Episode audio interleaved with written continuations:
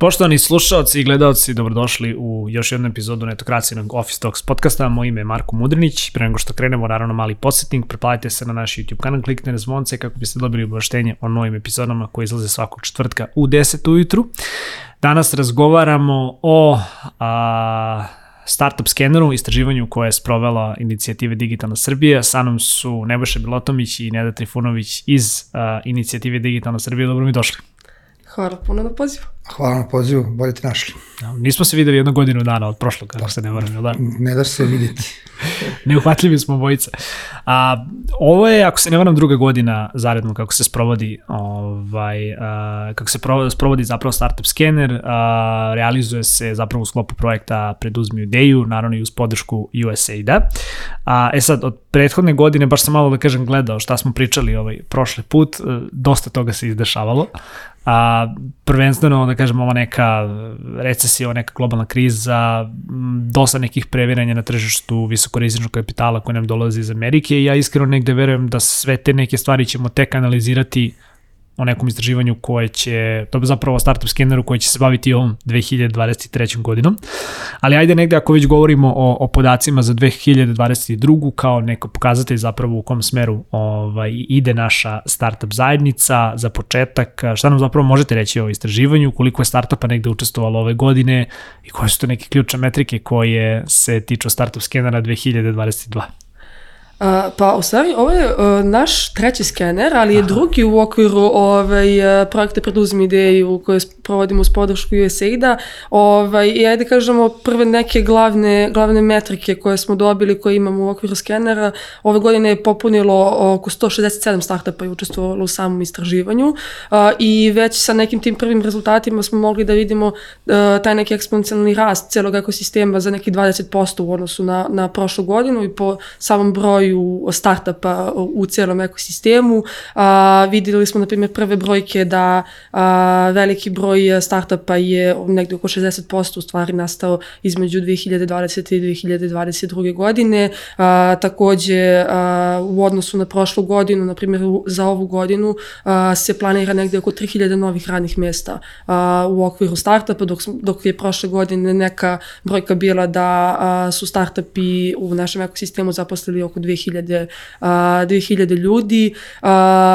Što se tiče nekih dodatnih, uh, dodatnih zanimljivih uh, procenata i dalje da kažem u odnosu na, na, tu neki, na taj neki evropski standard i tu evropsku brojku ove, prednjačimo po broju žena osnivača gde smo i dalje ove, iznad evropskog proseka koje je 16% kod nas, dakle imamo 19% uh, žena, žena osnivača što je stvarno ove, neka, neka sjajna brojka.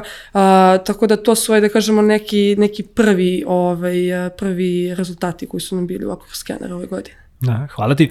E sad, kada govorimo negde o, o, o broju startupa, ovaj, prepostavljam da smo imali startupe koji su se ugasili, a kako zapravo izgleda, da kažem, ta brojka? Da li se i ona negde ovaj, uklapa u tu cifru tog nekog rasta od 20%, ako govorimo o broju startupa, da li negde ovaj, imamo startupe koji možda nisu bili deo istraživanja, ako možemo malo i o tome možda da, da popričamo? Uh, ajde, uh, ja, ja ću da počnem džangrizavo, da. ovaj, ali, ali mislim da je važna poruka za, za, za, za neko opšte stanje svesti. Ovaj. Uh, mi smo prošle godine imali 151 ovaj, startup koji je popunio ovaj, skener. Uh, I naš neko očekivanja, s obzirom na neke tabele koje mi vodimo, je da je to bilo otprilike neka trećina uh, ukupnog startup ekosistema. A, ove godine nam te neke naše praćenja tržišta pokazuju da je startup ekosistem tu 600, verovatno i preko. I nama je bio cilj da kao imamo uzorak i dalje koje je trećina, znači ajde ljudimo 200. I uh, stigli smo mi do 100 i nešto kao popunjenih upitnika relativno lako, 120 kada dobro sećam, I zapelo, ne ide. Ja kažem, pa čekaj, tajde bar do 150 je lako ovi što su prošle godine popunili, gde smo kao optimizovali da prošle godine trebalo skoro pola sata popuniš ove godine nekih 15 minuta, nekako smo malo optimizovali pitanja, da idu nekim logičkim redom i tako dalje. I kolege pogledaju i od 151 koji su popunili prošle godine, mi imamo jedva 60-ak uzorka od 120, znači 90 nam fali od prošle godine. Gde su to ljudi koje mi znamo, s njima radimo, čujemo se dalje ne, na dnevnom nivou. I kreće sad zvanje naše, zvanje naše. Na što je, ne, što je s jedne strane pozitivno, tih 167, užasno veliki procenat novi koji nisu prošle godine popunjavali, a ove koje znamo, na, evo, da dopisujem se, evo sad dok sam dolazio, da sam dopisivao neke s njima, oni to nisu popunili uopšte.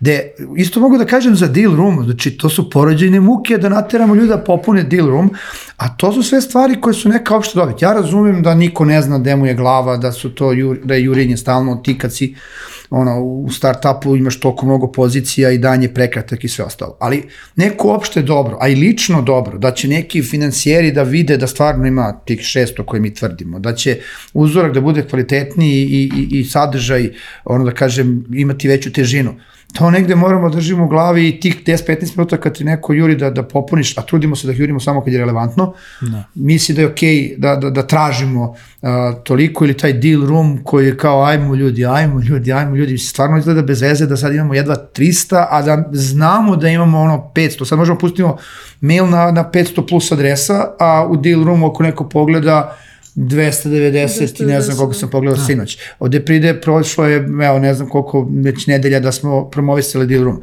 Znači, ta neka svest o tome da ako ne komuniciramo, niko ne zna šta radimo, a da je bitno da ljudi šta, znaju šta radimo, jer gledajte, nisam upoznao VC i startup koji su se na jednoj veče dogovorili investiranju. VC-evi žele da imaju na radaru startupove, žele da ih prate, da vide da ima, postoji neki trendovi, tendencije. Stoga, ako želiš da dođeš do kapitala, ako želiš da dođeš do korisnika, želiš da ljudi znaju šta radiš, a pretpostavljam da većina kompanija je u tom modu, bitno je da učestvuješ u ovakvim stvarima. Znači, da. ok, nije samo poenta nama lakšaš posao, nego neka opšta, neka poruka i stanje stvari bolje izgledaju ako smo spremni da odvojimo određeno vreme. Evo ja završam moju džangrizavost. Da, e, ali nemoj, nemoj da završaš. Želim, želim, ovaj, želim baš da se fokusiram i na to, obzirom da negde nisam to naveo u pripremi ili ajde, ovaj, mislim da nismo ni imali priliku da, da govorimo o, deal, roomu, o deal roomu. A, se zapravo kad smo prošle godine bili u Finskoj, da si mi tad još pričao o tome kako, kako aktivno radite na tome. Ovaj, ajde da evo sad iskoristimo kada već imamo priliku ovaj, pred, pred slušalcima i pred gledalcima, da malo čisto ovaj, im skrenemo pažnju zapravo šta je Deal Room, a, ko je na njemu radio i za, zapravo zašto je super da, da ulistaju svoj ovaj startup tamo i da, i da kažem budu deo neke malo šire i priznatije statistike. Da, da, da. Uh, pa evo, sad, smo Dealroom, dakle, zvanično, kažem, i launčovali negde krajem februara, čini mi se da je, da je bio datum i generalno Dealroom predstavlja uh, svetsku platformu gde uh, trenutno na njoj sada postoji negde preko 75 ekosistema iz celog sveta među kojima smo sada i mi i dakle, da kažemo, to je baza ovaj, koja sadrži sve, sve relevantne informacije o jednom ekosistemu i u isto vrijeme nastavlja na mapu da sve te neke međunarodne i investitori i visi fondove uh, i organizacije i svako koje je zainteresovana na neki način ovaj, gleda ekosistem, može da pronađe podatke pre svega o startupima, a onda ovaj, i neke druge relevantne podatke.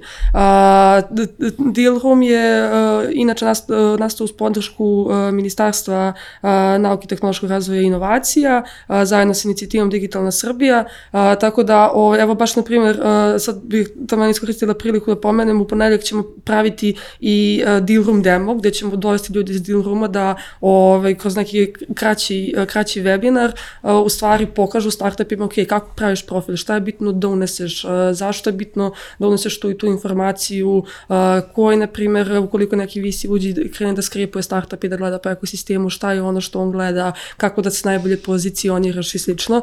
Tako da i kroz te neke uh, inicijative i aktivacije želimo što više da, da privučemo startup i da im objasnimo da nije ovo samo, e, ovo će da izgleda lepo, ovaj, da, da, da stoji neka lepo u, nekoj, u nekom PPT-u. U nekom PPT-u, eto, napravili smo neku lepu platformu i tu postoji neka brojka 300, 600, 400, koliko god, već ovo stvarno ovaj, olakšava, uh, ajde pa ne samo što olakšava nama posao, ali uh, olakšava cijelu tu priču svih nas kada promovišemo eksterno ekosistem i kada pokušavamo da dovedemo ovaj, neke veće i partnere i investitore i da, da, da kažemo, ono, uh, sklopimo te mostove sa, sa ostalim tržištima i ekosistemima. Ako, ako ja mogu da nastavim u istom fortelu, a, recimo ja na bookmarku na telefonu čuvam Deal Room, Stockholm i, i Helsinki. Znači, u, u, u Stockholm je, kad se sklo, izađe iz Silikonske doline, mesto gde ima najviše per capita unicorna na svetu. Da. I kad uđeš u njihov deal room, vidiš da ima 4000 startupova i nijednom od tih 4000 startupova, neki od njih su već ozbiljne milione podigli, nije teško da popunjiva, updatuje svoj ovaj, profil. A, pogledaš e, Finska isto tako negde 2 do 3 hiljade, svaki investitor je sebe ulistao, znači to je neka kultura da ta informacija bude dostupna. I još jedna bitna stvar, to pokazuje da, da ti je jak ekosistem. Gledaj, 2020. je Švedska napravila K-Start akcelerator za koreanske start-upove zato što se vidi da su toliko dobri i jaki. Pre godinu dana isto radila sa Singapurom. Znači, ljudi su počeli da ne samo budu dobro mesto da dižeš svoj startup, nego da dođeš da učiš kako dižeš svoj startup. Start, da. Tako da, s te strane, ako takvi ekosistemi to mogu da rade, koji su toliko uspešni i priznati, mi maltene moramo da bi mogli da stojimo tu s njima u neko, jer to pokazuje zrelost, spremnost za saradnju, prepoznavanje šta je bitno, šta je nebitno. To ti je, znaš, to ti je na kraju dana, mislim, ono, to ti kod da imaš ono normalno i ono lepo popunjen LinkedIn profil na kraju dana, jel da? Znaš, ono, hoćeš imaš dobru fotografiju, ja sam katastrofa, da, da, pričamo o LinkedInu. Dobro, dobro, ti si, ti si specifičan, da. ali bože moj. Da. Ali je, stvarno, da do duše ja se vadim na to, mene svi znaju ili već dugo vremena, ovaj, ali kako se zove stvarno, pošto jel pričamo o tome da je taj deal room za investitore, oni koji bi želi da upoznaju naš startup ekosistem, znači da. mi ga pripremamo za one koji želimo da njihovu pažnju ono, privučemo ovde, bez te neke saradnje ne možemo da, da, da dobijemo to. Ne, šta, i takva vidljivost i takva ulistanost će definitivno po mom nekom skromnom mišljenju imati, imati ovaj svoju ulogu, pogotovo u ovom nekom narednom periodu koji nam, koji nam dolazi da se i taj visi, ovako steže se obruč oko njega, ali ajde, pričat ćemo o tome. I imam još neke stvari ovaj, koje, koje hoću zapravo da, da, ovaj, da posetim današnjoj epizodi, tiču se naravno skenera, tako da izvinjam se svima na, na ovoj maloj digresiji. A, ako već negde govorimo zapravo o, o domaćem ekosistemu, i dan da smo dosta pričali o tome kao koliko je ekosistem sazreo iz godine u godinu, verujem da postoje neki, ne, ne, neki indikatori. A, kakva je danas situacija? Vidim da ste zapravo u istraživanju izbacili kao određeni broj startupa, izbacili ste procente startupa koji su u koji imaju da kažem spreman MVP, procena startupa koji su u toj nekoj ono product market ovaj, fit fazi, pa me zanima koliko smo za ovih nekih godinu dana sazreli? Uh, pa ajde da možda prođemo za početak te, te neke rezultate. Mm -hmm. ovaj, ja mislim kada se sve sabere uh, prema, prema rezultatima skenera, da kažemo ono startupi koji uh, imaju ideju, uh, da li razvijaju trenutno MVP, pri seed, do seed faze, sve ukupno je to negde oko 60% ovaj, startupa koji su, koji su trenutno na tržištu, dok nekako kada već polako krećemo ka product market fitu, skaliranju i ostalo, to su već malo manji procenti i tu već govorimo negde oko 10-20 20 procenata, ovaj, dok su oni koji su, da kažemo, baš, baš scaling jednocifrene ovaj, a, a, brojke. A, mislim da a, i, i dalje kao ekosistem a, u odnosu, ajde, opet, ja mislim uzimamo uvek reper, nekako krećemo od 2021. jer nekako sve posle korone je ovaj, krenulo, krenulo da se razvije malo, malo jače. Uh, I dalje imamo dosta tih startupa koji su u toj seed fazi, koji uh, razvili su proizvodi i tu su na tržištu. Neki su možda čak i više od tri godine. I nekako nikako da kažem, ja uvek kažem, no, nikako da prebace preko, preko zida, ovaj, da, da, da pređu taj scaling deo, da brže otvaraju tržišta.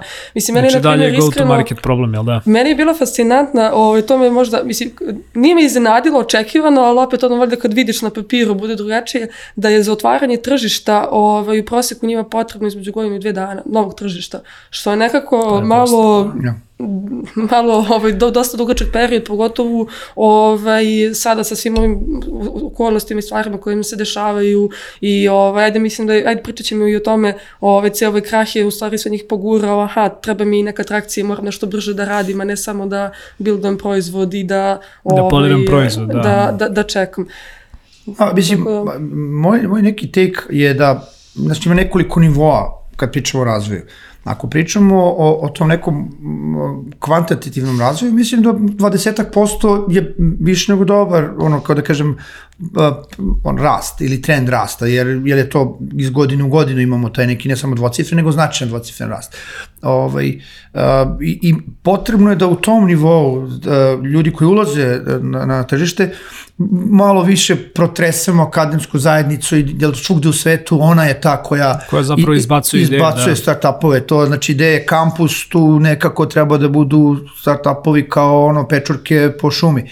Ovaj, I to je neki napor uh, koje, na, na kome radimo. Ali ajde kažem taj trend kreiranja novih startupova, kad su uzmuti neki procenti, želimo da budemo realni kao šta, šta može da se desi, ne ono gde bismo trebali da budemo, jer uvek nekako vreme radi protiv nas, ovaj, to ne izgleda loše. E sad u ovom nekom kvalitativnom smislu, baš juče sam nešto pričao sa, ovim momcima koji su bili prva ovaj, katapult kohorta, znači to je bilo 19 kompanija i dobar deo njih će da izađe sa nekom, da kažem, financijama koje uzu toliko godine, matching fundom, ajde da ne prejudiciram, očekujemo kad sledeće nedelje neke zvanične podatke i koliko sam nešto načuo, bit će dosta dobri.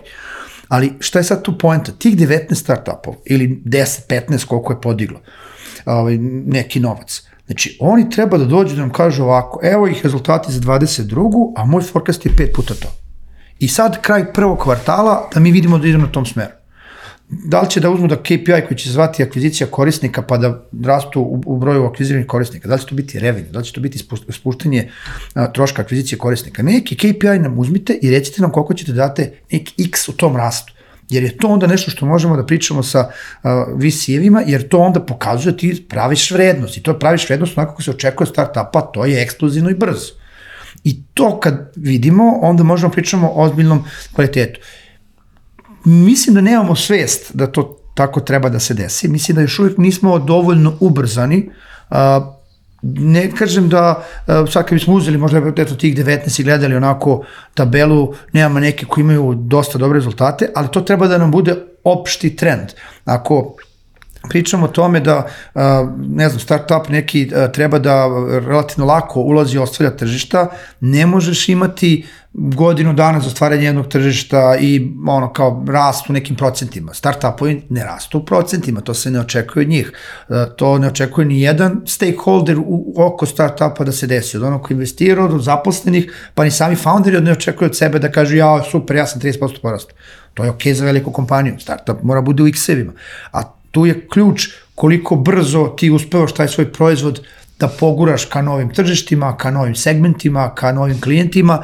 I ono što jeste neka sledeća velika prepreka za sve nas zajedno u ovom ekosistemu je to skaliranje, internacionalizacija, efikasnija prodaja, business development, otvaranje novih tržišta, prepoznavanje nekih niša u kojima mi možemo da imamo dobre ove rezultate, pre svega u prodaji ne praviš proizvod da bi se ponosio njime, ne nego bi ga ljudi koristili i bili voljni da ti plate za njega. E, da. samo to treba da brzo. Da.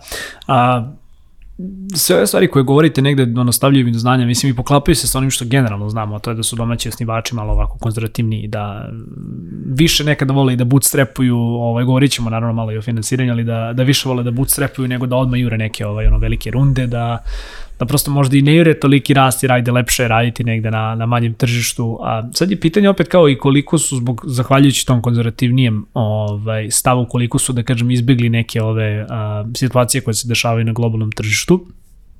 Jedna od tih situacija koje možemo videti u poslednje vreme tiče se naravno tržišta rada ovde u Srbiji. Ovaj, mislim, ne da je evo lepo pomenulo da, da startup planiraju u ovoj godini da zaposle 3000 ovaj, ljudi, što iskreno da, da smo pričali o tome prošle godine, ovako bi vas gledao bledo kao da li je moguće da zaposliš 3000 ljudi ovaj, da, da ti rade u startupu, ali videli smo, to je zapravo u startupima, ali videli smo da, da su kompanije, velike IT kompanije zamrzle ovaj, zapošljavanje, to je negde ono, manje više javna tajna, imali smo i neka otpuštanja. Moje pitanje za vas je zapravo da li je uh, ovo ajde, kažem, možda je loša stvar za, za tu neku našu outsource industriju, ali svakako neće ti ljudi ostati bez posla i mogu se ti poslovi preliti. Sad moje pitanje za vas je zapravo da li je ovo, da kažem, stvar koja može dodatno pogurati taj, taj neki rast kada su, kada su domaći startupi u pitanju, jer su uvek kuburili sa, sa kadrom? Ja ne bi tu gledao kao neki veliku konkurentsku prednost, i čak ni u tom segmentu akvizicije ovaj, nekih kvalitetnih a, a, ljudi. A, mislim, jeste outsourcing industrija, ima sad problem jer neke segmenti tržišta za kojim su oni navikli da rade, su zbog cele situacije na zapadnim tržištima u, da kažem, povlačenju, onda i oni imaju ne, neke probleme, ali ja bih pre bazirao optimizam vezan za te 3000 zaposlenih koje očekuju u 2023. na činjenici da su stvarno izdeliverili zapošljavanje 2000 ljudi mm. u, u, u 22. Da je otprilike nekih 1000 i po je ušlo u, u start-upove koji su rasli, znači od onih nekih 5 ili 10 na 20-30, ovaj, a, a ovo ostalo je nastalo kroz osnivanje novih tih, no, ako imamo 100, 120 novih startupova, dodatnih 500 ljudi je došlo kroz, da kažem, foundere i, i zaposlene u tim nekim startupovima na samom početku. Znači, ako smo imali 2000, pa sad neko kaže, uh, očekujem 3000, ajde, i dobija neko ono kao poverenje da to može da deliveruje. Uh, takođe, uh, Uh, ima još jedna stvar koju nekako, meni je neverovatno, mi svi živimo u nekim super silosima ovaj, i sad mi kao savladali smo činjenicu, postoje i start-upovi, postoje IT servisi, ali e, gotovo da ne zaboravljamo da postoji jedan segment koji je trenutno najživlji na tržištu IT-a, ovaj, a to su R&D centri i velike korporacije koje su sve prisutnije kod nas. Da, gde mi sad već imamo jedan jako lep uh, automotive cluster uh, koji ozbiljan, raste ozbiljan, da. i ako uzmete podatke ono top 10 uh, oglasivača za IT poslove, vidjet ćete da su ljudi iz automobilske industrije 2 do 3, 2 do 3 kom, ove kompanije su top 10 cele prošle godine. A, tako da, ok, imat ćemo prilivanje neko od možda IT servisa ka nekom, ajde da ga zovemo industrijski IT, da. R&D, kako god, ovaj, i ja mislim da će taj trend da se nastavi, jer istovremeno zbog geopolitike vidimo ono veliki povratak Evrope kući, znači više ono kao ajmo Bangalore nije ovaj, baš opcija za velike korporacije iz koji god razloga da su oni to odlučile, ili ne znam, Filipini, Indonezija, šta su ranije imali, no. I da sve više njih se šeta po Beogradu ili uopšte po jugoistočnoj Evropi, čak i Severnoj Africi, razmišljajući kako da vrati programere i, IT-evce ovde. I verujem da će to biti sledeći talas zapošljavanja. E sad, ja stvarno ne mislim, da mislim i treba da, da, da nekako svesno što god je moguće uradimo, da ta naša outsourcing industrija ili IT servis industrija ovaj, izađe što celovitija iz ovog što se dešava globalno, jer ako hoćemo da se ponosimo sa 2,7 milijardi izvoza, to su, budimo realni, oni ljudi završili i to treba da nastavi da raste, da bi nastavio IT da raste i da bi se ta neka da kažem srednja klasa koju su IT-evci počeli da reprezentuju u velikom broju ovaj održala. Da. A, tako da mislim ja se nadam da to što insinuiraš neće biti to prelivanje, nego da, da. će u suštini ovaj ono ljude u startupovima popunjavati ljudi koji su ili sveži sa fakulteta ili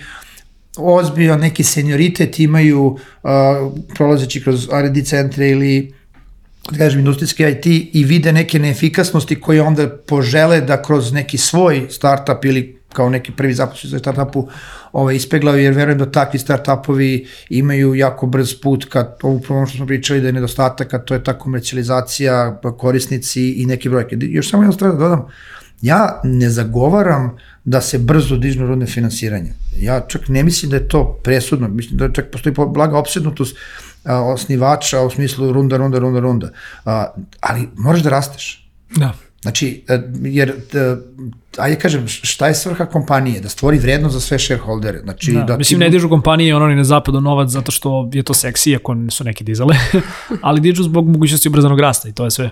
Ali ti hmm. praviš kompaniju koja ima uh, dobre fundamente, a ono što, novac koji ti dođe je za investicije, odnosno za rast ali tvoj biznis model treba da bude zdrav i ti treba da budeš dobra kompanija koja u nekom trenutku ako ne može da postigne taj rast koji se očekuje od nekog startupa, a ti pređeš i postaješ neke SME gde nema nikakve sramote praviti nekoliko miliona evra prometa, imati pola miliona miliona profita, to je genijalno. I imati recimo 20-50 ljudi šta god, to je super za industriju, to je super za celo tržište. Da. Samo ako smo u tom startup fazonu, svetu, on je brzo rastuća tehnološka inovacijna kompanija. Da. On nije, on nije zadovoljavanje sa medijanom. Da, e, a samo bi dodala ovaj, e, za, za ova radna mesta, ne baš je to baš dobro pomenuo, ovaj, e, nekako ja mislim svi onda razmišljamo kao tih 3000 ljudi kao gde će se naći, gde će ovaj, budući da uglavnom o, su, su kadrovi ko, koji fale, ajde pomenut ćemo posle a, klasika koji uvek ovaj, znan teko oblasti prodaja, marketing i ostalo. Ja mislim da je to isto vreme nekako prilika i za ceo ekosistem gde potencijalno stvarno možemo da stvorimo neku novu generaciju ljudi ovaj, koje će možda ako ne direktno sa fakulteta, ali ljudi koji o, su još uvek u tom nekoj, a, a, na tom nekom početku karijere žele da se više oprobaju u, u startup svijetu, prilika za njih da počnu a, u, u ovim startupima, pogotovo dosta njih je to i prošle godine i, i pre godine i po dana ovaj, a, diglo neke fine runde koje, koje, mogu to, koje mogu to da iznesu, a onda nekako, ja mislim, i na, na svima nama u ekosistemu da neko podržimo sve te ljude, da, da neke razne i programe i ovaj, a, a, aktivnosti i ostalo, da, a, da i same startupe koji zapošljavaju te ljude nekako njih ovaj, zajedno, zajedno podržimo sa, sa, sa dodatnim nekim a, resursima u smislu mentorski, ekspertski mm, i ostalo. Tako da ovaj, ja tu isto nekako više vidim kao veliku priliku ovaj, za sve nas gde će sutradan kroz godinu dve dana svi ti ljudi ovaj, da ćemo konačno mi možda kroz tri godine imati našeg VP-a uh, salesa ili VP-a marketinga, nećemo morati da idemo da ga tražimo ovaj, uh, preko bare, tako da i tu, da kažem, leži velika, velika mogućnost, a na nama je stvarno gledam ne samo sa start-up strane, nego i sa ekosistemske strane velika mogućnost da iskoristimo. Da. To ti je moj omiljeni uh, deo, omiljena brojka u, u godišnjem skeneru. A, uh, prošle godine kada smo pitali start-upove ovaj, koliko ćete rastete, 50%. A koliko ćete da zaposlite ovaj, ljudi u prodaji, 12% ako rasteš nemaš prodavca. E, ali super stvar je što ove godine, kad ih pitaš koliko ćeš da daš, dalje 50%, što je sjajno, to je ali taj duh koji treba da bude, da. ali hoće 50% ljudi koji planiraju da. zaposle da bude u salesu. Jer to jeste način da rasteš. Sales ti donosi mogućnost da upravo to dođeš do novih korisnika, gde za start-upove novi korisnici su dvojako bitni. Ne samo iz ugla tog nekog uh, cash flowa ili uopšte nekih uh, finansijskih rezultata, ti, povećanje broja korisnika unapređuje proizvod. Zato što ti dobijaš feedback o svom proizvodu, da. šta valja, šta ne valja i ti si sve jači zato što imaš sve više ljudi koji validira da je to što ti radiš vredno njima i, i, i da je dobro. Da. Srećem, ajde, baš sam čitao pre neki dan ovaj, spisak zanimanja koje će kao najviše i najmanje uticati, ovaj, na koje će najmanje i najviše uticati ovaj chat GPT. Sales je, nažalost, ili da kažem na sreću, ovaj, zapravo i dalje ono jako teško za, zaberiti ovaj, tu neku živu reč. A, Jedna stvar koju sam još hteo negde da vas pitam, a ne da je zapravo to jako dobro ovaj, pomenula, a, vidimo da se poslednjih godina akademska struka uključila i da imamo sve više, da kažem, nekih jako interesantnih ideja i proizvoda koji su zapravo nastali upravo na univerzitetima kao deo nekih uh, ličnih radova, istraživanja i, i sličnih, da kažem, ovaj procesa. Ono što me zanima, opet pratim startup scenu jako dugo. U početku, kada su nam dolazili Bugari sa, sa svojim ovim investicijama, nešto su meni... Čuveni level, da. Ovaj, kad kažeš Bugari, baš ima onako backstabbing, ovaj, prizvuk. Ne, ali šal na stranu, ovaj, neš kao, dolazili su, investirali su startupove koji su uglavnom ovaj, pokretali klinci, zato što je to tad bilo interesantno. Pa smo onda imali ovaj drugu neku ekspanziju da su to uglavnom ljudi koji su onda već radili u nekim ovaj, ustaljenim industrijama. Pa, evo vidim i sad sve više i više mladih ljudi koji zapravo kreću nekim putem preduzetništva, zato što sve negde organizacije koje se, da kažem, bave promocijom i podrškom preduzetništva u Srbiji već jako dugo rade neke programe koji su, za koje su oni čuli za vreme studija, za vreme srednje škole i tako nešto slično.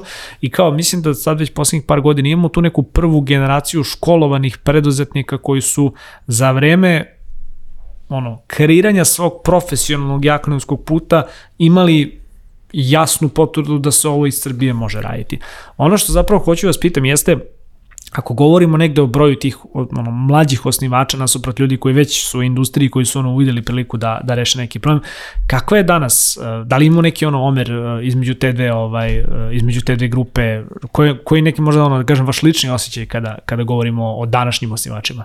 Uh, pa, eto zanimljivo je možda podatak da kažemo da nam je, na primjer, u ekosistemu uh, prosečna starost osnivača čini se 36 godina, što ovaj, kada pogledam, ajde, uh, ne možeš da kažeš, nisu, nisu pravo sa fakulteta, ovaj, ali zreli su, ali dovoljno. Da. zreli su, ali dovoljno.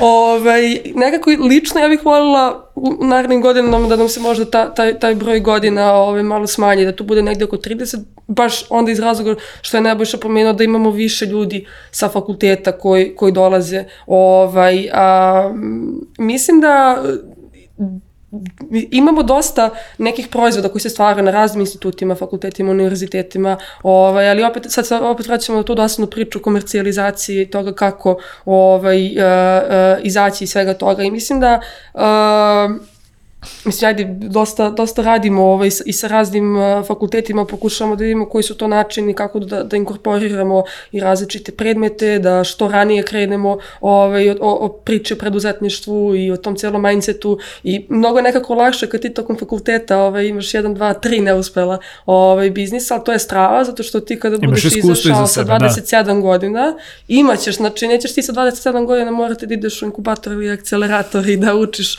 o, o biznis modelu Canvas i ostalo, nego ćeš već uh, imati neki, neki osjećaj šta je potrebno, šta treba da radiš, ali ćeš se usavršavati kroz neki, neku drugu vrstu programa i znaćeš od, bar od čega da počneš. Uh, tako da, ovaj, uh, mislim, mi dalje tu imamo dosta, mislim, prostora za rad i veliki potencijal koji, koji može da se iskoristi, a opet svakako sa druge strane ja iskreno mislim da je dobro što imamo i te, i te ljudi iz industrije koji ove, ti s druge strane imaš taj stručni kadar koji možda ako se spoji sa ovim kadrom sa fakultetom može stvarno da napravi da naprave dobre, dobre proizvode i dobre priče.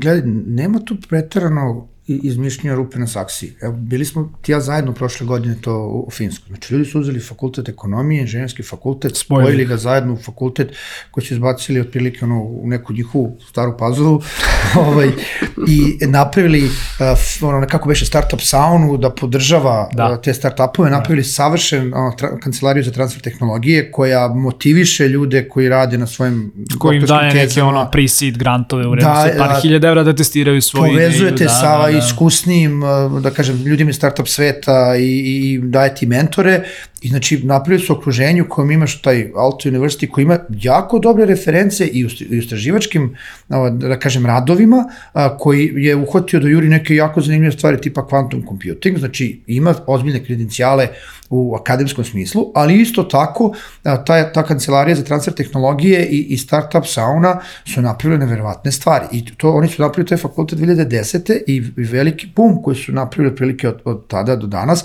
može se kreditovati upravo o, o toj pojavi. Sad mi ne mislim da mi smo dok organizovani kao društvo, ovo, ja se sećam da sam pitao kao kako ste spojili ekonomiju i inženjering, ko je gde se preselio, kod nas bi bilo ono rat po ulicama Beograda, da ne znam, ono, iz brda treba siđe dole do štajge ili obrnuto, ovaj, ali ili da ih premestimo, radi Bože, sve zajedno negde na Novi Beograd. Na ledine, ovaj, da, ali je činjenica da akademska sredina je ta koja može da kreira vrednost. Uh, vrednost i da to čak super da ti u tom nekom periodu osnovnih studija spržiš jednu, dve ove kompanije, ali upravo i ovi ljudi koji rade na tim doktorskim tezama, deo njih će svakako postati, bože zdravlje, asistenti, profesori ili istraži, ozbiljni istraživači, ali deo njih treba da shvati da. da ta njihova istraživačka teza sa još 10 strana postaje biznis plan. Da, da. da. I, i, I tu imamo mnogo prostora za rad, takođe pravno da, da sredimo taj transfer tehnologije, jer tu ima kod nas nekih a, a, nejasnoći, da. nelogičnosti, ali to je veliki rezervoar, a, a, da kažem, potencijalnih a, dobrih startupova i zrelih startupova, a, jer to su ljudi sa velikim domenskim znanjem gde otprilike onda neki programeri ili uopšte ljudi koji enabluju da, da se to što je istraživanju određeno pretvori u proizvod, e, mu dođu kao, da kažeš, radna snaga, a founderi, odnosno ljudi iz akademske e, sredine su ti koji usmeravaju put. Naravno, tu treba da dođe neko ko ima taj mišić za, za komercijalizaciju, prodaju, da prepozna korisnike. Ja se tu uvek šalim, to znaš moju tezu, svakom startupu treba onaj Sheryl Sandberg da dođe da kaže pusti pretraživač, evo ti AdWords, ovaj, kako se zove, to je činjenica, ali tako nekako pomešaš i napraviš dobru čorbu koja je uspešan da. startup. E, ali samo bih pomenula, evo, baš sam ovaj, pre dve nedelje bila, uh, uh, na, bili smo nekoj posjeti Amsterdam u njihovom ekosistemu i sad nekako još inspirisana ovaj, tom pričom apropo ovaj, vašeg puta u Finsku i sve i bili smo tamo posjeti Startup Village, ovaj, koji je u stvari tamo nekako kao deo celog tog njihovog kampusa gde se nalazi univerzitet, uh, tehničke nauke i ostalo i, ovaj, i ti nekako vidiš uh, da uh, sve te kockice koje oni imaju, imamo ih i mi u ekosistemu, samo nekako nikako da ih još uvek onako lepo Posložimo, posložimo da. i da ih, što ti kažeš, da stavimo na ledine ili Novi Beograd, ne znam gde, ali ovaj, samo da ih nekako još malo lepo uvežemo. Jer ti onda vidiš, njima je, na primjer, ovaj, eh, ne znam, oni su izdvojili kao dve glavne industrije AI i kvantum. I oni čim vide da ako neko napiše neki rad, da je neko ovaj, dođe, odmah da. prolaziš kroz program, odmah ideš, ideš kroz taj inkubacijni deo i gledaš da, da, gledaju da izvuku što više mogu i odmah ti daju ovaj, ovaj, taj support. Dok ti ovde, dok ti izađeš sa fakulteta, aha, pa gde ću prvo da odem, pa kome se obratim, pa imaš gde, ali nekako još uvek samo to fali na malo te, te, te uvezanosti. Čini mi se da smo tu smo, blizu smo, ali nikako da se Ne, pa poklopimo. evo, ja, ja sam imao sjajno, sjajno iskustvo i baš onako pohvalna priča. Prvo, Univerzitet Kragujevac ima prodekana za inovacije. To je prvo genijalna stvar, a onda mi taj čovek kaže, e, ovih naših 10 startupova što smo ispratili da su aplicirali za fond za inovaciju. Znači, oni imaju svest da neko kod njih nešto radi sa fondom za inovaciju i sad su oni nešto I tu- rade, prate. Prate ih. I to je to. Ne, nije to sad neka... Jeste deset, ali prate. Pa, prate. Da. Ne, bili smo, A. bili smo tamo na, na njihovom onoj univerzitetu Kragujevčani su meni super. Mm. Da kažem, posle ovog podcasta skočila cena ovaj kvadra- kvadrata na ledinama. e, ali ajde da, da, da, da sa akademije pređemo u pare. Ovaj, to je ona bolna tema uvek uh, bila. A, kako stojimo po pitanju finansiranja ovaj, prošle godine? A, videli smo zapravo da ono konstantno se pominje tih 2,7 miliona evra izvoza, što je super, to svakako jeste brojka koja jeste impozantna, mislim da je rast, ako se ne varam, od nekih da li 900 4% miliona, ili tako nešto, da, mislim da je 900 ovaj, uh, onako solidan je rast. Mislim da je prošle godine bilo valjda 1,7, Pa, ove godine meni ono što je 1,7. super priča, što Da. opet ta priča pet godina za redom raste u ozbiljnim procentima. Da, Znaš, mislim, to je ono, basketački, znaš, zove šut. Znači, iz godine Da, da, da. godinu pokazuješ da nešto nije slučajno se desilo, Jeste. nego, nego E sad, radiš. ima i do toga verovatno da je onako dolazak dosta ovaj, outsource kompanije iz Rusije i dru- drugih nekih krajeva doprene o tome, ali aj, Pa pazi, nije, to je, nije to, to je, sad, nije, da, nije to, to je sad 40%, tema, ali to ne da. sigurno neke stratosfere u smislu rezultata, ali i, i dalje to je dobro. Ono što je po meni tu prostor ozbiljan za rast, ako pričamo o tim ciframa, a, a, baš sam imao sreće da, da od Narodne banke Srbije dobijem podelu tih 2,7 milijardi po zemljama gde mm -hmm. ide i, i Amerika je nešto malo manje od milijarde, e, Evropa je os, ostala, znači 1,6 i onda sve ostalo je maltene nebitno. E, Meni je ono jedno cifri koje mi ostaje u glavi, Japan je recimo 900.000 dolara. Znači, baš ono ogromna To je veliko jedna tržište. firma, da. Pa da, to je vjerojatno jedan deal neko ono kao prošlo. Ovaj, cela jugoistočna Azija je 13 miliona, ako se dobro sećam cifre, a ne znam, ono, iz ekonomiste neki podatak da u Indoneziji od 280 miliona ljudi koliko ima 100 miliona potroši 80 milijardi na digitalne servise. Uh, tako da to su Kao jako velika prostor za tržišta rast, da. za, za rast. Mi smo nešto radili neke, da kažem, uh, kao, uh, kako kažem, kažem kampanja, pošto to previše odbiljno zvuči, ali po, pokušali smo ljude da usmerimo to da znaš, postoje nova tržišta i drago mi je da već vidim neke od naših outsourcera koji upravo tome razmišljaju. Evo, Singapur je landing spot za jugoistočnu Aziju, da. Centralna Azija je takođe nešto što može da se radi, a upravo u, u tom grbu po meni leži zezat ostatak na tom dobrom treku i rasta u kontinuitetu iz godine u godinu da se diversifikujemo od ovih tržišta na kojima smo dokazali da možemo da radimo. Pa dobacili smo do, do Dubaja, pa sad odatle doskačemo dalje. Pa da. pazi, ali jeste Dubai, to je Middle East, imena iz mene, neka centralna Azija, da, mislim, gledajte, svi danas nešto rade, rastu, znači digitalizacija stigla svugde, a, posebno zemlje koje imaju ozbiljne prirodne resurse, tipa Kazahstan i Azerbejdžan, su i tekako zanimljiva tržišta, gde mi kako ono, nije nam teško, podemo se pojavimo tamo, imamo prednost na one što će s njima da rade ovaj, Zoom kolove. Ništa, brate, idemo u Kazahstan. A ne, ali zapravo... Bili ljudi, ozbiljno bili ljudi, bili, da. pa da. Moramo i mi. A, ne, pričali smo negde o tom, o toj brojici koja se zapravo tiče izvoza, ali kao daleko bitnija brojka je koliko smo mi zapravo tog ono, visokorizičnog kapitala prikupili u, u 2022. godini. Mislim, vidio sam slajdove, ali ajde negde da, da, da, da, da čujem i od vas. A, kakva je situacija po pitanju finansiranja? Da li imamo više startupova koji negde jure ovaj VC? Investicije, bilo kroz neke programe, bilo kroz grantove ili dalje su ljudi u fazonu hajde da vi svog džepa finansiramo ude i od početka dok to malo ne zaživi, ne do. Mm. E, o, ja sad kažem, ja nikad nisam mislila da ću da, da izgovorim ovu rečenicu koju, koju sam krenula da izgovaram početkom ove godine, ali ovaj, ja mislim da po prvi put u ekosistemu vidimo da ti u stvari imaš više kapitala nego što imaš startupa. Znači, govorimo sada sve ukupno, tu, tu računam i, i ovaj, a, a, novac od grantova i VC, VC-eva investitor i tako dalje. Ovaj, I čini mi se da je neka brojka iz, iz skenera da negde oko 90% startupa u stvari se finansiralo iz sobstvenih sredstava, odnosno grantova, što je, da kažemo, i dalje možda neka, neka malo visoka brojka. Neki zvaničan podatak koliko, investi, koliko, koja je brojka ovaj, koja je, da kažem, uplovila u ekosistem prošle godine, čini mi se da je negde između 30 i 40 miliona ove investicija i da to negde, ajde računamo i, i naše foundere koji su, koji su preko, preko koji da. nisu ovaj, ovde inkorporirani sa, sa, sa svojim firmama. Uh, što je, da kažem, znatno manja u odnosu na 2021. ali nekako i očekivano, jer, uh, ovaj, ajde, ajde kažeš, očekuješ... Neće biti što je 21. bilo. Neće to biti.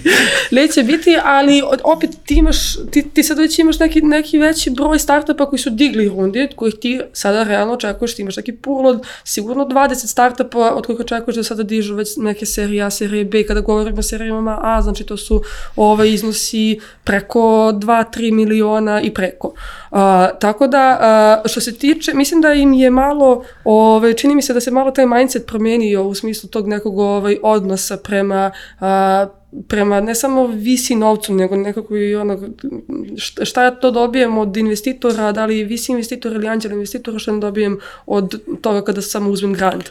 I mislim da, da se tu vidi malo sada već ova da, diversifikacija. A to, je, a, to je, a to je ono što pravi razliku zapravo, da. Ti ćeš istu energiju potrošiti da li radio na tržištima iz regiona, tipa, ne znam, Bosna, Makedonija, ili pokušava da otvoriš neka dva lukrativnija tržišta. Ti trošiš istu energiju. Nagrada koju dobijaš je mnogo veća. E sad, da bi si igrao na nekim većim tržištima, onda ti treba više kapitala. Kad treba više kapitala, to su financijeri. I mislim da se taj mindset menja od toga što si ti rekao, ja, ja rastem kontrolisano, rastem ovde u Srbiji ili u ovom nekom jezičkom području s kojim se osjećam i kulturološki, ok, ljudi sad sebi dozvoljavaju da razmišljaju nekim zemljama koje smo pominjali ili nekima koje nismo ovaj, i da, da se okušavaju nekim drugim tržištima. Za tu igranku ti treba više novca i onda više visije. Da. da. A malo možda i nezahvalno pitanje, opet videli smo šta se desilo i šta se dešava zapravo u Americi e, i sa Fedom i sa, i sa pucanjem banaka, onako dosta je dosta je luda i nenormalna situacija trenutno, ako mogu tako da se izrazim. A, projekcije su naravno kao da li se ta kriza, da li se recesija može preliti i u kojoj će se meri preliti na, na naše ovaj, tržište. Um, možda da ćemo se na ovo pitanje vratiti naredne godine kada budemo snimali epizodu o Startup Scanneru za 2023. godinu. Ali ono što me prvenstveno interesuje, možda neko lično mišljenje, krenut ćemo od tebe, Nebojša, šta da. misliš, da li će srpski startupi sada imati težu priliku za podizanje novca ove godine? Da li misliš da smo u dobroj poziciji što opet daleko je priuštivije praviti startup ovde nego preko i dosta se u Americi, da kažem, te neke cifre koje su se pominjale, dosta su bile prenaduvane. Mi smo nekako konzervativniji pa i više Spireni. realistični, spireniji, da. Koje je tvoje negde viđenje ove situacije? Da? Gledaju u suštini, ja mislim da se da, da, da obično stvari koje izgledaju kao jako kompleksne su zastane na banalnostima stimulus koji su dobili američka domaćinstva, ono 1000 dolara koliko je bilo, gomila njih otišla, kupila kripto i na Robin Hoodu nešto da. zamislilo kako da se razume u berzu. Da, ovaj, da. Kod nas su ljudi lepo otišli i potrošili onoj patike. Ovaj, što, što je bilo, koliko beše kod nas bio taj čuveni helikopterski novac. Da, da, da. Po, po, zavisi, neko... zavisi, zavisi da li si preko 30 godina. To, to, to, dobro si prošao, ako si ti... Da li je minimum stvar mogu to na Robin Hood? Apsolutno možemo da računamo da što su mladi dobili, sigurno nisu lagali u, u, u startupove. Ovaj, mislim da, da, da taj ekses, odnosno taj preterivanje sa, sa, sa tim novcem koji je dat za vreme korone da bi se društvo stabilizovalo, što je bilo jako potrebno, to je baš nešto što se čovečanstvo malo te nikad nije desilo i lako je sad možda praviti se pametan, ali izazvalo je potrese kojeg sad osjećamo. Ovaj, e sad, ako razdvojimo tu priču šta se dešava na tom velikom tržištu i, i gledamo ovde kod nas, ovaj, pazite, mi sad imamo situaciju da od prošle godine imamo vrlo aktivan domaći korporativni uh, ovaj VC fond. Uh -huh. uh, meni je South Central kako god naš, ako ništa drugo, kad uzmeš ono koliko su, gde su sve investirali, gde su najviše investirali, naši su. Tako da u stini to je isto jedan fond koji je to opet digo rundu i ojačao se kadrovski još novih 70 miliona ako se ne varam. Da, da, da, znači to je ta priča, znači oni su sad opet aktivni ovaj, vrlo, vrlo, vrlo u tom nekom, da kažem, segmentu kontakta gledanja da, da, da plasiraju taj fond. Očekujemo u sledećih nekoliko nedelja, par meseci, dodatna dva, dva fonda koja su aplicirala ovaj, kod komisije da, da dobiju sve papire, tako da ćemo imati četiri fonda koje su ovde, možeš da ih setneš ljude po kafiću, popiješ kafu s njima i to ima svoju težinu. Ovaj, takođe, činjenica je da su pre ono kao par godina ili čak prošle godine ne mali broj fondova podigli novac od Evropskog, Evropskog inovacijnog fonda i sad recimo, eto, pomenuti Eleven, Vitoša, Launch Hub iz Bugarske, par fondova iz Hrvatske. Aktivni su i dalje ovde, da. Pa vrlo su, vrlo su aktivni i vrlo smo u ok odnosima u smislu i mi se trudimo da pomognemo koliko možemo. Par njih imalo office hours u novembru, baš se radujemo kad god smo u kontaktu, jer u suštini ako hoćemo da pričamo o tim nekim serija, serija B pričama, da bismo mi privukli VC-eve koji imaju taj ono barud da, da, da takav novac potroše. Mi malte ne od Slovenije do, do Crnog mora moramo se skupimo da ne bi napravili pipeline start-upova koji mogu da traže 10 i više miliona. Južni tok zavisi investicije. Pa, bazi, bukvalno, skoro smo pričali sa, sa drugarima iz Silicon Gardena, znači ne može to, znači da mi, da bismo napravili uh, pipeline start-upova za seriju B, to mora bude jugoistočna Evropa, čak možda i Poljake da uvučemo tu priču, da bi neko tamo kad se probudi u Silikonskoj dolini rekao ček da vidim šta ima gde u svetu, pa da mu ovaj deo sveta privuče pažnju za tu neku investiciju koja je ono osam cifara i, i, i ide ka, ka više. Da, tako da u suštini ovaj, ima, ima visijeva, u kontaktima smo stalno, neki baš dobri trendovi se pojavljuju u smislu da ljudi sad u kontinuitetu pitaju, mi šaljemo informacije, dolazimo i office hours. Meni je bilo super, kada smo prošle nedelje imali office hours, da je otprilike da. ovaj, došlo je osam start-upova, ja sam znao osnivača jednog. Ovo ostalo je bilo kao ne bojiš, kao ne krećeš se dovoljno što u mom slučaju baš nije situacija, ali mi je posle kao bilo sjajno, kao ono, imaš ljude koji dolaze da pričaju sa visijevima koji čiji su tiketi ono, pola miliona naviše i, i to su neke, da kažem, relativno novi ljudi. Ovaj, tako da što se tiče pristupa, pristupa kapitalu, mislim da je tu dosta povoljno i da taj novac je u tim fondovima. Znači dalje imamo pristup kapitalu, nije da ga nema. Ne vjerujem da će u sledećih godinu, dve biti problem. Ono što negde možda nas sačeka kao neprijatno ostašnjenje, mi kao to rastemo, ginemo i onda kad nam treba tih pomenutih 20 miliona, to mora da dođe iz ovih tržišta koje sad tresu. Ako se one dovedu u redu u, u sledećih godinu, dve, onda taj neki naš rast može da bude kao uh, gde ćemo sada. Da. Što, ajde, ali dve godine u IT-u je toliko ogroman period da stvarno ne treba plaćati, kao što moj drugar Fića kaže, akontacijna sekiraciju.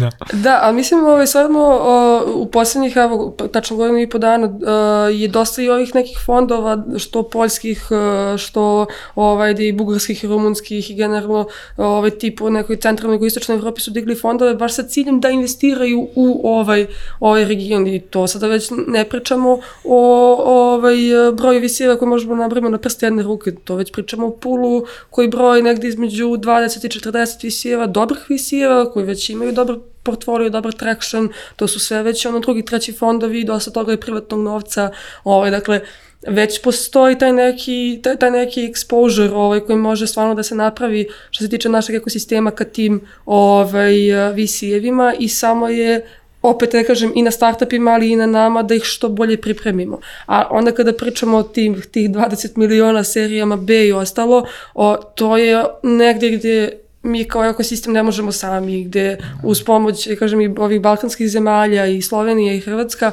ovo, to je nešto gde moramo da nastupamo zajedno, jer pa mi svi da. zajedno kad se spojimo, ovo, nismo ko jedan berlinski ekosistem, a Da. kamoli da se, da se prezentujemo pojedinačno. Jer za taj neki ovaj malo veći, ako hoćemo, a, a, a svi hoće ovaj, malo, malo ovaj, tog dela kolača iz uh, Silicijumske doline, ovaj, moramo, moramo ipak prosto zajedno da nastupamo na taj način. Da, dosta dobar uvid moram da, da priznam. A sad, ostalo nam još toliko vremena da za kraj negde moram da pitam i ono pitanje, kao govorili smo o nekim lepim stvarima i mi ružnim stvari. Koji su neki izazovi, ovo je, mislim pitanje koje tebe ne baš bar jedno 3-4 godine pitam već, ovaj, kako, koji su neki izazovi sa kojima se i dalje suočavaju srpski startupi, u principu koje su to stvari koji dalje ukazuju da su im problematične, šta je to nešto što možda da čak kažem očekuju od države, od regulative, od same zajednice, gde, gde, gde, vide, gde vidimo te neke probleme? Pa mislim, ja mislim da je ono što je ajde, genetski već uvrženo u naše start-upove, da oni imaju izuzetno jak taj, da kažem, inženjerski mješić i da taj finansijsko, da kažem, biznis segment im dalje strašno fali. I nekako možda nisu dobili a, pažnju ljudi koji bi možda mogli da počnu da rade za njih i da ovaj, a, pomognu u toj organizaciji kompanije, organizaciji prodaje, a, raportiranju finansijskom. Jer mi sada kad pričamo o ovim ozbiljnim ciframa, ne može to da bude više, ja sam prodao pet komada juče, to je više nego preključe kad je bilo dva. To nije, mislim, mora se to, ovaj, maltene ta ružna reč korporativizuje. Ovaj, I mislim da tu još postoji veliki prostor i kod samih start-upova i nas koji nešto ih podržavamo, da ljude koji imaju ta znanja možda privuku da bismo mogli da pričamo o ozbiljnim uh, kompanijama koje sad ono kao uh, mogu da razmišljaju o nekoliko tržišta, velikom broju korisnika, dodatnim finansiranjima, sve to ne može na oruk, to mora bude ozbiljno planiranje i mora da bude ovaj sa dobrim kvalitetnim kadrovima i to ne samo u inženjerskom polju, nego i u ovom drugom uh, segmentu. Mislim da je to nešto što je jako bitno. Uh, postoji još uvek velika bojazan po pitanju, uh, da kažem, pravne regulative ili možda tumačenje nje. Jer ja sam nešto kao sad, pošto nisam se nešto previše bavio pravnom regulativom, možda zamisliš ceo život i sad ovo zadnjih godinu dana kako gledam, ja shvatam da ti to možda, sve možda čitaš na različite načine i ono što jeste negde... Sve je dvosmisleno, da. Pa, znaš, i sad trebalo bi da izbacimo tu bojazan da će neko da uzme neku o, stvar koja sad izgleda super i za 3, 4, 5 godina da pročita na drugi način, što smo videli da se dešava. Ove, i, i, jer ti u suštini da kao menadžer moraš da obezbediš predvidljivost poslovanja. Znači ti ono što očekuješ samo da ti neko da iz tog nekog pravnog okvira je predvidljivost. I da nešto što danas se čita kao olakšica, je da sutra ne bude nešto što kao ipak duguješ pare zato što neko pročita malo drugačije. Znači tu je jako bitno da imamo konzistentnost. Mislim da po pitanju a, samog zakonodavstva, frameworka, to lepo sarađujemo i tu nekako mislim da neki ok vetrovi duvaju da se da sami zakoni, ma nekako kako da kažem, osveže i podobe savremenom tehničkom momentu, jer i, i zakonodavstvo mora da prati a, razvoj tehnike i, i uopšte društvenih odnosa. Ali opet to čitanje zakonodavstva očigledno je nešto što je bitno da bude predvidljivo, da mi se ne menjaju stvari u odnosu na nešto što sam danas isplanirao. Šta sad ja, ako koristim neki, recimo, olakšicu, pa ne mogu ja to olakšicu da držim sa strane u svojim knjigama dve ili tri, pet godina da vidim da neko neće protumači da ta olakšica ipak nije olakšica. E to je nešto što je, ajde, to je operativno funkcionisanje, ajde da kažem, pre svega države i, i, i to negde moramo, moćemo očavamo da, da i na tome moramo da radimo, da tu vrstu konzistentnosti a, dobijemo, i, i, i to je možda sledeći nivo, ali definitivno jeste nivo koji moramo da pređemo da bismo i sve ovo što sam pre toga pričao uspeli da, da poređemo. Da. Pa, o, ja, neko, ja mislim da ja jedva čekam da, kre, da krenemo da pričamo o tome kad nas neko pita šta može da se poboljša, da mi ne kažemo prodaje i marketing. Da, da. Ovaj, to jest da nam, to, da nam ne bude to prvo. Ovaj, a nekako, uh, malo je kao, aj sad digresija, ovaj, ti kad pogledaš, uh, nama je negde 63% o snivača u stvari znan tek oblasti. Dakle, ovaj, to, čini mi se da, da, da, je to, da je to rezultat ovogodišnje skenera uh, i ti sad kad pogledaš, ti imaš ljude, znači nije samo da imaš inženjere koji dolaze pa sada eto napravili su proizvod pa ne znaju kako da ga, da ga ovaj, prodaju, da ga, da marketiraju i tako dalje. Ove, nego ti već imaš takve ljude koji dolaze, znači to, to pričamo ovaj, iz, o, to su pozadine ono, ekonomija, marketing, management i, i ostale stvari. Nekako je više da poguraš te ljude nije isto prodavati u korporaciji, nije isto prodavati neki SaaS proizvod. Ove, mislim, naravno, u oblasti ove, prodaje marketinga, go to marketa, to je nešto gde vidim poboljšanje, generalno vidim po, ono gde stvarno mislim da ove, mi kao ekosistemi kada govorim nekako i o programima koji postoje, organizacijama podrške i ostalo, svi ti programi koji se prave moraju biti mnogo fokusirani. Ajde, ajde ne pričamo o tom nekom ranoj fazi inkubacijone gde naravno gde to, to je dosta onako široko i mora da bude široko jer prosto ovaj, gađa tu neku ranu fazu, ali kada već o, imaš proizvode, kad si tu negde blizu tržišta ili si na tržištu, svi ti programi i podrške moraju biti mnogo fokusirani. Dakle, ne imamo sedam ili deset tema koje se pokrivaju pa sve pomalo da zagrebeš. Da. Ajde da imamo, da imamo jedan program koji baš gađa jednu stvar. Ja imam jedan program koji baš gađa kako izlazimo na francusko tržište, kako ovaj, otvaramo, kako radimo growth na ne znam kom tržištu. Tako da ovaj, tu ima takođe eto ovaj e, dosta dosta poboljšanja da mi kao da kažemo ovaj sa te neke stakeholder strane ovaj ekosistemske možemo možemo dosta u stvari da poboljšamo. Tako da ovaj to mi a što se tiče ovaj regulative pa uh, ja bih samo to eto dodala ajde, ovaj, uveden je taj, taj set uh, tih, tih ovaj, olakšica pre godinu i po dana i ajde, tek je godinu dana kako se one implementiraju. I ipak treba da prođe malo neki period od godinu, dve dana dok vidimo ko, jer ono što je u da. teoriji i ono što je u praksi, ovaj, malo to bude drugačije onako kako ti zamisliš, pa onda najdeš na prepreke u praksi, ovaj, pa se radi iteracije. O, tako da ovaj, dok se ne desi neki novi set ovaj, olakšica i sami startupi treba da vide ko, šta je ono što trenutno mogu da iskoriste, jer postoji stvarno ovaj, dosta toga što mogu, a još uvek ne bih rekla da imamo tu neku kritičnu masu koja koristi koristi sve to. Dakle, treba još više malo podstaknuti ovaj, i, i, i same startupe. A, da, da zađu u taj fini print na kraju. Tako da. je, tako je. Da. Pa da, to je neka cela, da kažem, koterija ljudi koji su podrška. Znači, nije, nije ni očekivati od foundera da razumiju, ne znam, računovodstvo, pitanje prave i tako dalje, ali uh, to je sad ako imamo dovoljno startupova da možemo da, da, da kažem prehranimo računovođe i, i pravnike koji će se baviti nama, onda ćemo imati adekvatnu podršku u tom smislu i nadam se tu takođe možemo da napravimo neke ono povećanje brojke ljudi koji hoće da rade te fine stvari sa, sa startupovima. Fine stvari sa finim ljudima. Nebojša Nedo, hvala vam puno što ste bili moji današnji gosti. Da negde ono, vidimo se naredne godine u ovo vreme, mislim svakako ćemo sarađivati i pre toga, ali vidimo se naredne godine u ovo vreme da, da negde prediskutujemo zapravo brojke o tome kako smo bili ove godine, a da kusam u drvo, nadam se da ćemo biti ok. A, dragi slušalci i gledalci, hvala vam što ste ostali sa nama do, do kraja. Još jednom podsjetnik, Office Talks podcast možete pratiti na YouTube-u, preplatite se na naš YouTube kanal, naravno kliknite i zvonce kako biste dobili obaveštenje o svim novim epizodama koje izlaze svakog četvrtka u 10. Takođe ovaj podcast možete pratiti i putem audio kanala, linkovi su dole u opisu. A, dragi gosti, hvala vam više što ste bili ovaj, danas u ovom podcastu, a mi se vidimo naredne nedelje. Ćao!